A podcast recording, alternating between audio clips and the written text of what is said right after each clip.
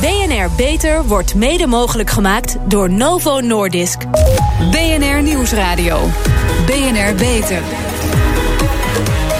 Harmke Pijpers.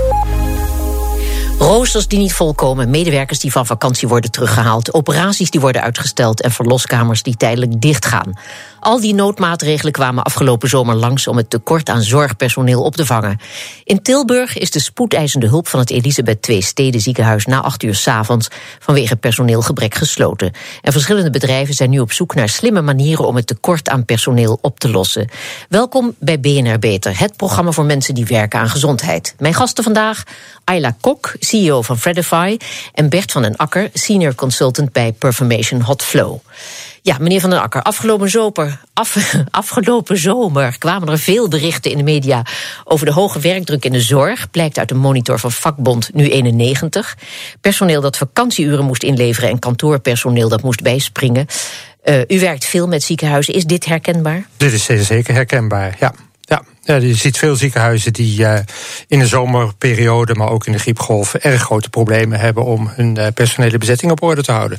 Ja, volgens berekening van uh, de beroepsvereniging, mevrouw Kok, van de beroepsvereniging Verpleegkundigen en Verzorgenden, zijn er tot aan 2025 zo'n 125.000 extra mensen nodig.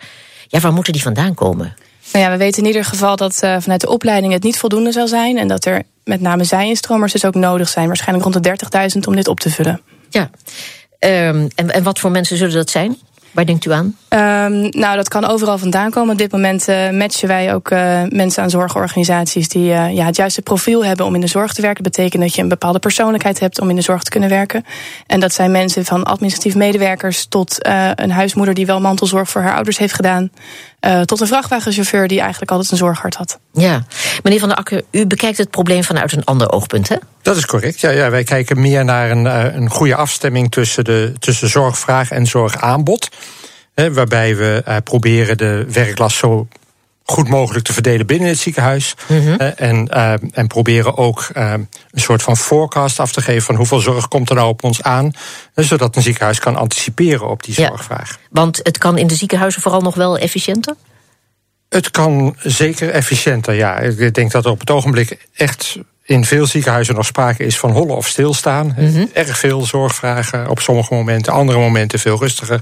Men ziet het niet aankomen. En um, ik denk dat op het moment dat je inzicht hebt in hoeveel zorgvragen er volgende week of over een maand op je afkomt, je daar veel betere afgestemde roosters op kunt maken. Ja, mevrouw Kok, we gaan bij de oplossingen even apart behandelen. Om met u te beginnen, uh, waar haal je goede zij-instromers vandaan en hoe voorkom je dat ze na een paar maanden dat vooral net zo hard weer uitstromen?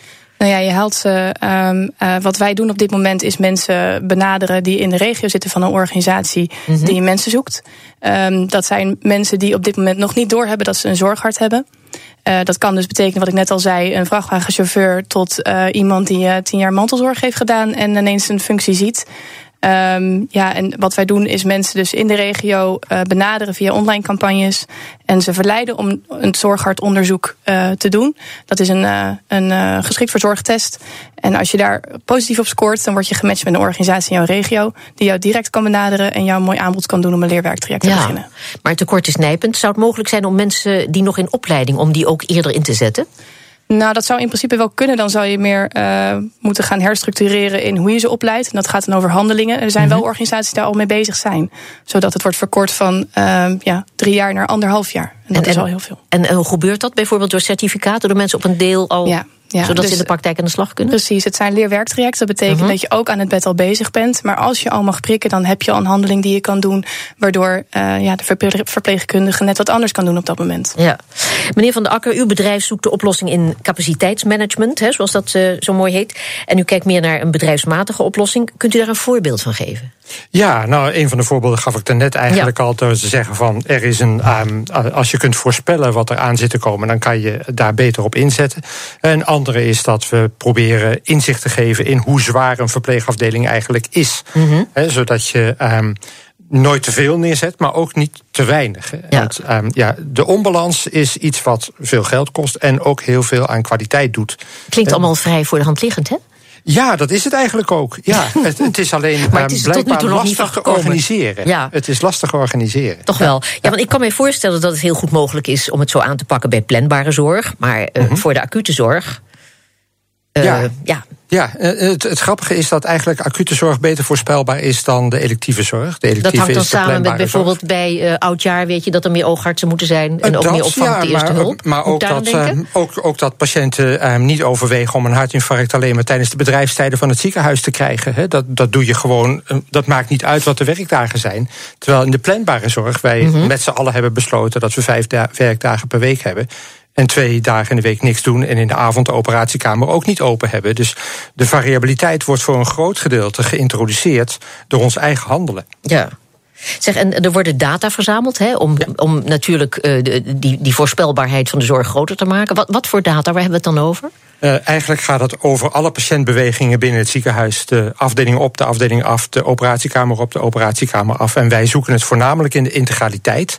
Want juist op een, op een single point kan je het nog redelijk goed doen. Maar het, de patiënt komt van een huisarts, gaat naar een ziekenhuis, moet naar de operatiekamer, misschien wel naar de intensive care en uiteindelijk ook weer naar de thuiszorg of naar huis. Ja. En die hele keten, daar proberen wij data van te verzamelen om de voorspelbaarheid te verhogen. Ja, ik, ik kan me voorstellen dat deze aanpak kosten bespaart, maar vermindert het ook daadwerkelijk de werkdruk? Ja, ja, dat denk ik wel. Ik denk nou met name het hollen en stilstaan. En um, het is bekend dat als je een dag heel erg druk hebt gehad, dat dat blijft beklijven. En dat je Ja. dan denkt dat je de hele week een hele hoge werklast hebt gehad. En um, het is ook uit allerlei onderzoeken gebleken dat een te hoge werklast niet alleen maar vervelend is voor de medewerker, want uh, je moet hard werken. Het is ook ongezond voor de medewerker. Ja. Hij wordt daar, krijgt misschien wel burn-out van. Maar het is ook heel slecht voor de patiënt. En uiteindelijk, en dat is waar veel ziekenhuisbestuurders misschien nog aan moeten wedden. Um, minder medewerkers is misschien zelfs wel duurder dan meer medewerkers. Want je moet overnieuw werven. Mm -hmm. um, uh, je hebt hogere ziektekosten. Uh, patiënten, of patiënten, medewerkers lopen weg. Hè, die gaan weg. Die zoeken een baan buiten de gezondheidszorg.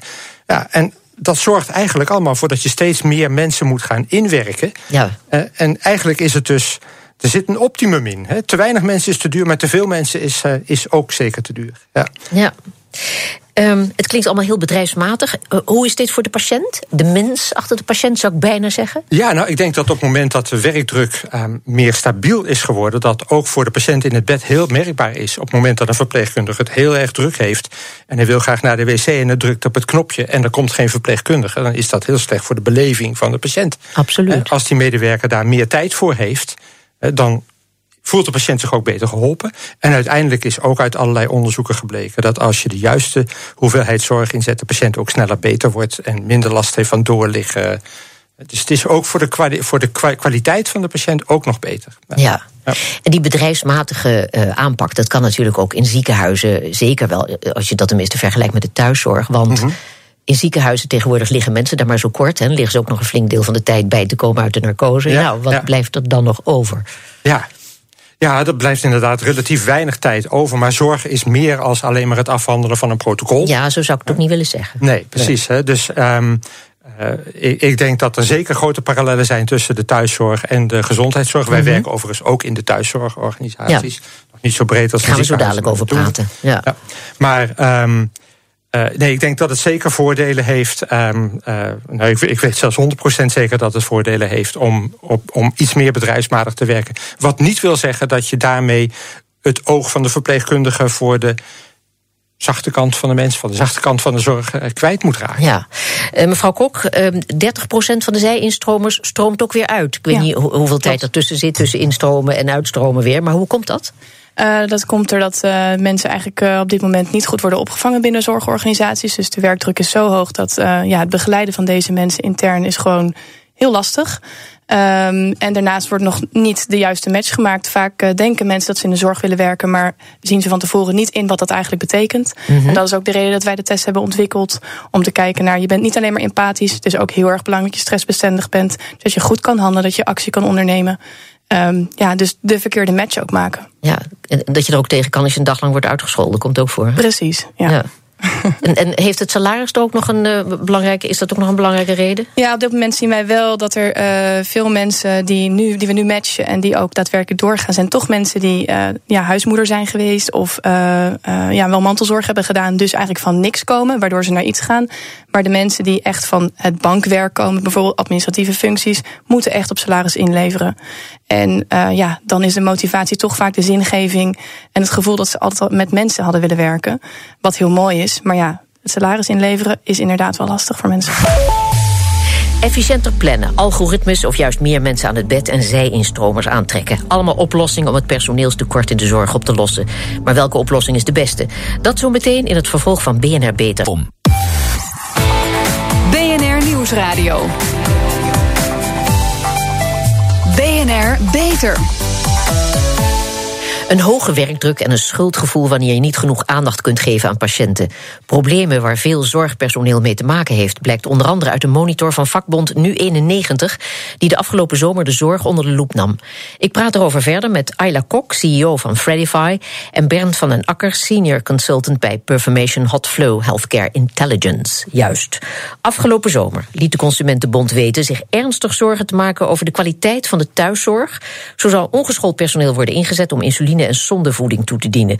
Het tekort is nijpend, meneer Van den Akker. Hoe kijkt u naar de thuiszorg, waar die uh, Ayla Kok naast u zo hard bezig is om aan genoeg mensen te komen?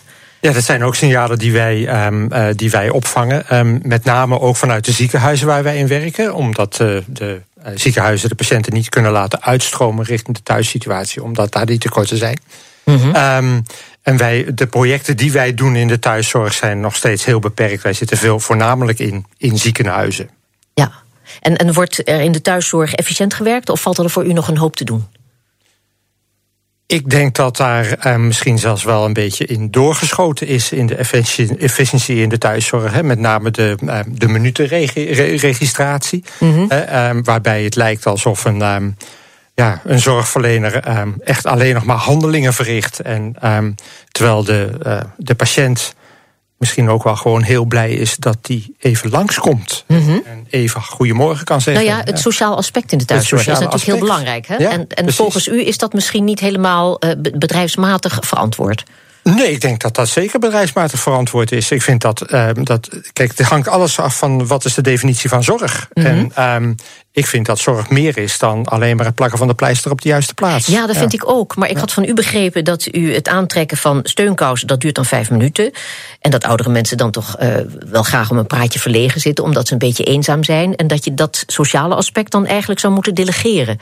Nee hoor, nee, nee, nee, nee, dat is niet mijn, uh, mijn opinie en ook niet die wat van mijn bedrijf. Wat is er met u gebeurd dat u sinds uh, het voorgesprek wat een tijdje geleden is... dat u nu weer totaal van standpunt veranderd bent? Heel merkwaardig. Maar goed, uh, maar daar, daar, dat standpunt daar staat u niet meer achter. Het is uitstekend als daar gepraat wordt en als er tijd voor uitgetrokken wordt. Zeker, ja. Want ik dacht ook al, dat is ook zo raar. Hoe kunt u dat nou vinden? Omdat oudere mensen natuurlijk dat hele efficiëntiemodel, daar hebben ze, ja, daar hebben ze lak aan. Per van rekening, als iemand jouw steunkousen aandoet, is een uitstekend moment om even over je problemen te praten. Precies. Ja. En uh, dat je daar een ander voor uh, zou moeten uh, te, te, woord staan, dat is natuurlijk, ja, ja. misschien vanuit efficiëntie goed bedacht, maar niet vanuit de patiënt. Ik weet ook niet hoe dat vanuit het voorgesprek afgeleid is, maar um, het, is zeker niet, uh, ja. het is zeker niet onze intentie om, um, om de sociale kant van de zorg. Op te laten lossen. Ja, ja. want ja. Uh, met u is ook besproken bijvoorbeeld of uh, mensen in de vooropleiding daar misschien toch een beetje op geattendeerd zouden moeten worden. Dat zeg maar die frustratie die ze dreigen op te lopen met een bepaalde verwachting, namelijk dat dat sociaal con contact onderdeel is van de zorg, dat ze daar maar een beetje op voorbereid zouden moeten worden dat het misschien toch anders moest. Maar dat kunt u zich niet meer herinneren. Nou, ik heb dat voorgesprek zelf niet gevoerd. Oh, God, wat een uh, merkwaardige ja, dat is confrontatie. merkwaardig inderdaad. Ja. Nee, maar Goed. kijk, wat ik net al zei, het is, alles hangt af van de definitie wat je onder zorg verstaat. Ja. En, uh, en zorg is zeker niet alleen maar geprotocoliseerd werken. Um, daar hoort ook het sociale uh, contact bij. Ja, ja. maar goed, um, wat is dan de activiteit? Waar richt u zich op met uw bedrijf om daar die thuiszorg efficiënter te maken? Dan ben ik daar wel benieuwd naar. Ja, zoals ik net al zei, wij doen eigenlijk niet zo heel veel in de thuiszorg. Wij zijn met name in ziekenhuizen uh, bezig. Ja, ja. ja. Want daar is inderdaad efficiëntie te scoren. Dat leek mij ook. Daar ja. is zeker nog wat te doen. Ja. ja. En, in de thuiszorg... en in de thuiszorg is eigenlijk niet zo'n gebied voor u. Nee. Nee, nou, dat, momenteel niet. Nee. Dat stemt mij vrolijk. ja. Ayla Kok, vertel, de aanpak in de thuiszorg. Ja. Ja, wat, wat zijn de kenmerken daarvan? Wat moet je in huis hebben als je in de thuiszorg aan de gang wil gaan?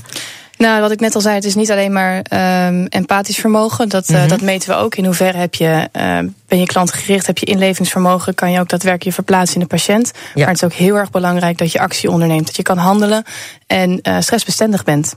Want niet elke dag is leuk. Nee. dat is een misvatting. En ja. heel veel mensen die zij instromen in de zorg en waardoor de uitval nu ook zo hoog is, is omdat uh, ze een heel ander beeld hebben bij wat het daadwerkelijk dan wat het daadwerkelijk is. Ja, het sociale aspect is daar heel belangrijk. Hè? Speelt Zeker. ook in die opleiding een heel belangrijke rol. Ja. Ik zie op alle folders een vriendelijke verpleegkundige die haar arm om een oudere mevrouw heen slaat. Maar de werkelijkheid is dus dat je daar kennelijk heel weinig tijd voor hebt. Daar is zeker niet altijd ruimte voor. En dat is ontzettend jammer. En daar zou ook echt heel snel wat aan moeten gebeuren. Ik denk ook dat uh, organisaties gewoon uh, meer mensen moeten aannemen. Uh, niet alleen maar zijn maar ook mensen die ja, wat met patiënten en met cliënten doen. Um, om uh, juist die druk ook weg te nemen. En ook veel meer alertheid rondom rondom de ouderen te creëren. Ja. Zeg, en zou je tijdens de opleiding verwachtingen van studenten moeten bijschaven op dit punt? Of ze daarin moeten opvoeden? Ik denk dat je dat uh, van tevoren al heel duidelijk moet maken, al voordat mensen beginnen. Ja, uh, ze moeten weerbaar gemaakt worden. Precies. Ja, want ja. wat kun je in de thuiszorg tegenkomen? Wat kun je meemaken? Nou, goed, uh, ja, er zijn natuurlijk extreme gevallen. Maar ja. er zijn gewoon dagen bij dat je, dat je door tien mensen wordt uitgescholden. Of dat er een ruzie is onderling en dat je daartussen moet komen. Um, uh, er, mensen overlijden ook. Het is uh, waarmee je misschien een connectie hebt. Er gebeurt van alles wat niet leuk is. Ja.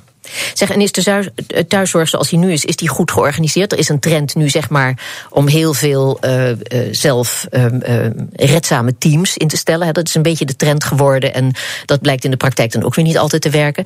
Waar ligt de gulden middenweg? Wat moet er zijn? Nou, ik denk dat de, gewoon de, de fundering is gewoon goede verzorging. Ja. Uh, daar gaat het nu al mis. Mm -hmm. Dus dat is eigenlijk de fundering waar we aan zouden moeten voldoen. Laten we daar in ieder geval mee beginnen. En alles wat er omheen komt, dus de hele opvatting over het faciliteren van de, de ouderen, dat kan eigenlijk alleen maar als de basis goed is. Ja. Dus ik, ik streef er echt heel erg naar dat die kwaliteit van zorg in het fundament gewoon goed is. Want dan pas kan je dat creëren wat je graag wil. Namelijk teams eromheen die uh, aandacht hebben voor wat die persoon nodig heeft en meer kunnen faciliteren. Ja, maar hoe zou het georganiseerd moeten zijn? Is het nog zo dat de taken zo opgeknipt zijn? Of uh, is er nog steeds een flink verlangen van mensen die uh, verlangen naar de oude wijkzuster, die uh, niet te beroerd was, om als we praten over het opknippen van taken, helemaal niet te beroerd was, zeg ik nogmaals, om een afwasje te doen en ondertussen met de patiënt praten en daardoor een heel goede blik had op de patiënt. Ja. En ook kon constateren of een mevrouw achteruit ging of misschien dementeerde of dat het tijd was voor andere zorg. Nou, dan heb je het natuurlijk bijvoorbeeld over, over buurtzorg, hè, die ja. echt aan huis bezig is met mensen. Mhm. Mm -hmm. um, dat is een hele mooie vorm. En wij merken wel dat dat ook de voorkeur is van de meeste mensen. En dat dat wel is waar we naartoe gaan in de toekomst. Ja. Uh, veel meer dat faciliteren, veel meer aandacht voor de persoon zelf vanuit één persoon. Uh, dat is ook ja, in mijn ogen waar het naartoe zou moeten. Uh, er zijn ook heel veel oudere zorginstellingen waar mensen zitten. Maar die persoonlijke aandacht, wat je al zegt, is heel erg belangrijk. Ja. Gewoon direct zien wat er nodig is. En als er een team is, een, een zelfwerkend uh, team, mm -hmm. zonder een, een, managementlaag, moet er dan toch niet een soort van re, regisseur zijn van de zorg? Ja, een beetje wijkzusterachtig iemand, Idealiter zou dat natuurlijk wel zo zijn. Blijft daar dus, erg naar verlangen. Ja, en iemand die heel erg goed regie heeft over wie heeft welke rol en wie faciliteert waarin. Als dat duidelijk is, dan uh, zou het er heel mooi uit kunnen zien. Ja. Maar goed, uh, het, het, opknippen van zorgtaken kan ook uh, zinvol zijn. Uh, hangt een beetje mm. van de situatie af. Bijvoorbeeld degene die eten brengt, meneer Van den Akker. Ik probeer het nog een keer met u hoor. dat zou iemand anders kunnen zijn dan iemand die de medicijnen komt brengen. Dat gebeurt in de praktijk hier en daar ook. Levert dat inderdaad voordelen op? Ja, dat levert voordelen op. Mm -hmm. hè, want de verpleegkundige heeft meer tijd om aan andere zaken te besteden. Ja. Um, dus in die zin is het een, is het een voordeel. Aan de andere kant, um, als je de zorg heel veel versnippert uh, bij de patiënt, dan is er ook niemand die een totaalblik over die patiënt heeft. En degene die 's morgens de boterham brengt en ziet, die patiënt ziet er blozend uit. En degene die smiddags komt, die ziet, die is heel bleek. Mm -hmm. Ja, als dat dezelfde was als die 's morgens was, dan zien ze in het verschil misschien. Dus um, ja, het levert voordelen op. Aan de ene kant economisch gezien, hè, omdat de verpleegkundige zich meer kan wijden aan de taken waar zij voor uh, opgeleid is. Aan de andere kant boet je misschien iets in aan de patiëntveiligheidskant. Ja. Uh, we hebben het nog niet gehad over de administratieve lasten, hè, waarbij de zorgverleners gebruikt worden als, uh, ja, als wat? Een soort protocollenrobot. Ja, ja, nou dat vind ik zelf wel. Ik heb het idee dat zorg dus meer is als alleen maar het uitvoeren van handelingen. Ja. En um, het nadeel van die, ja, ja, de protocollenrobots is dat, ze, dat je op een gegeven moment patiënten gaat behandelen omdat het volgens het protocol moet. Ja. En dat je eigenlijk niet meer kijkt of dat zorg inhoudelijk ook nog enige waarde toevoegt. Dus het werken volgens protocollen zou ik zeker niet geheel af willen schaffen.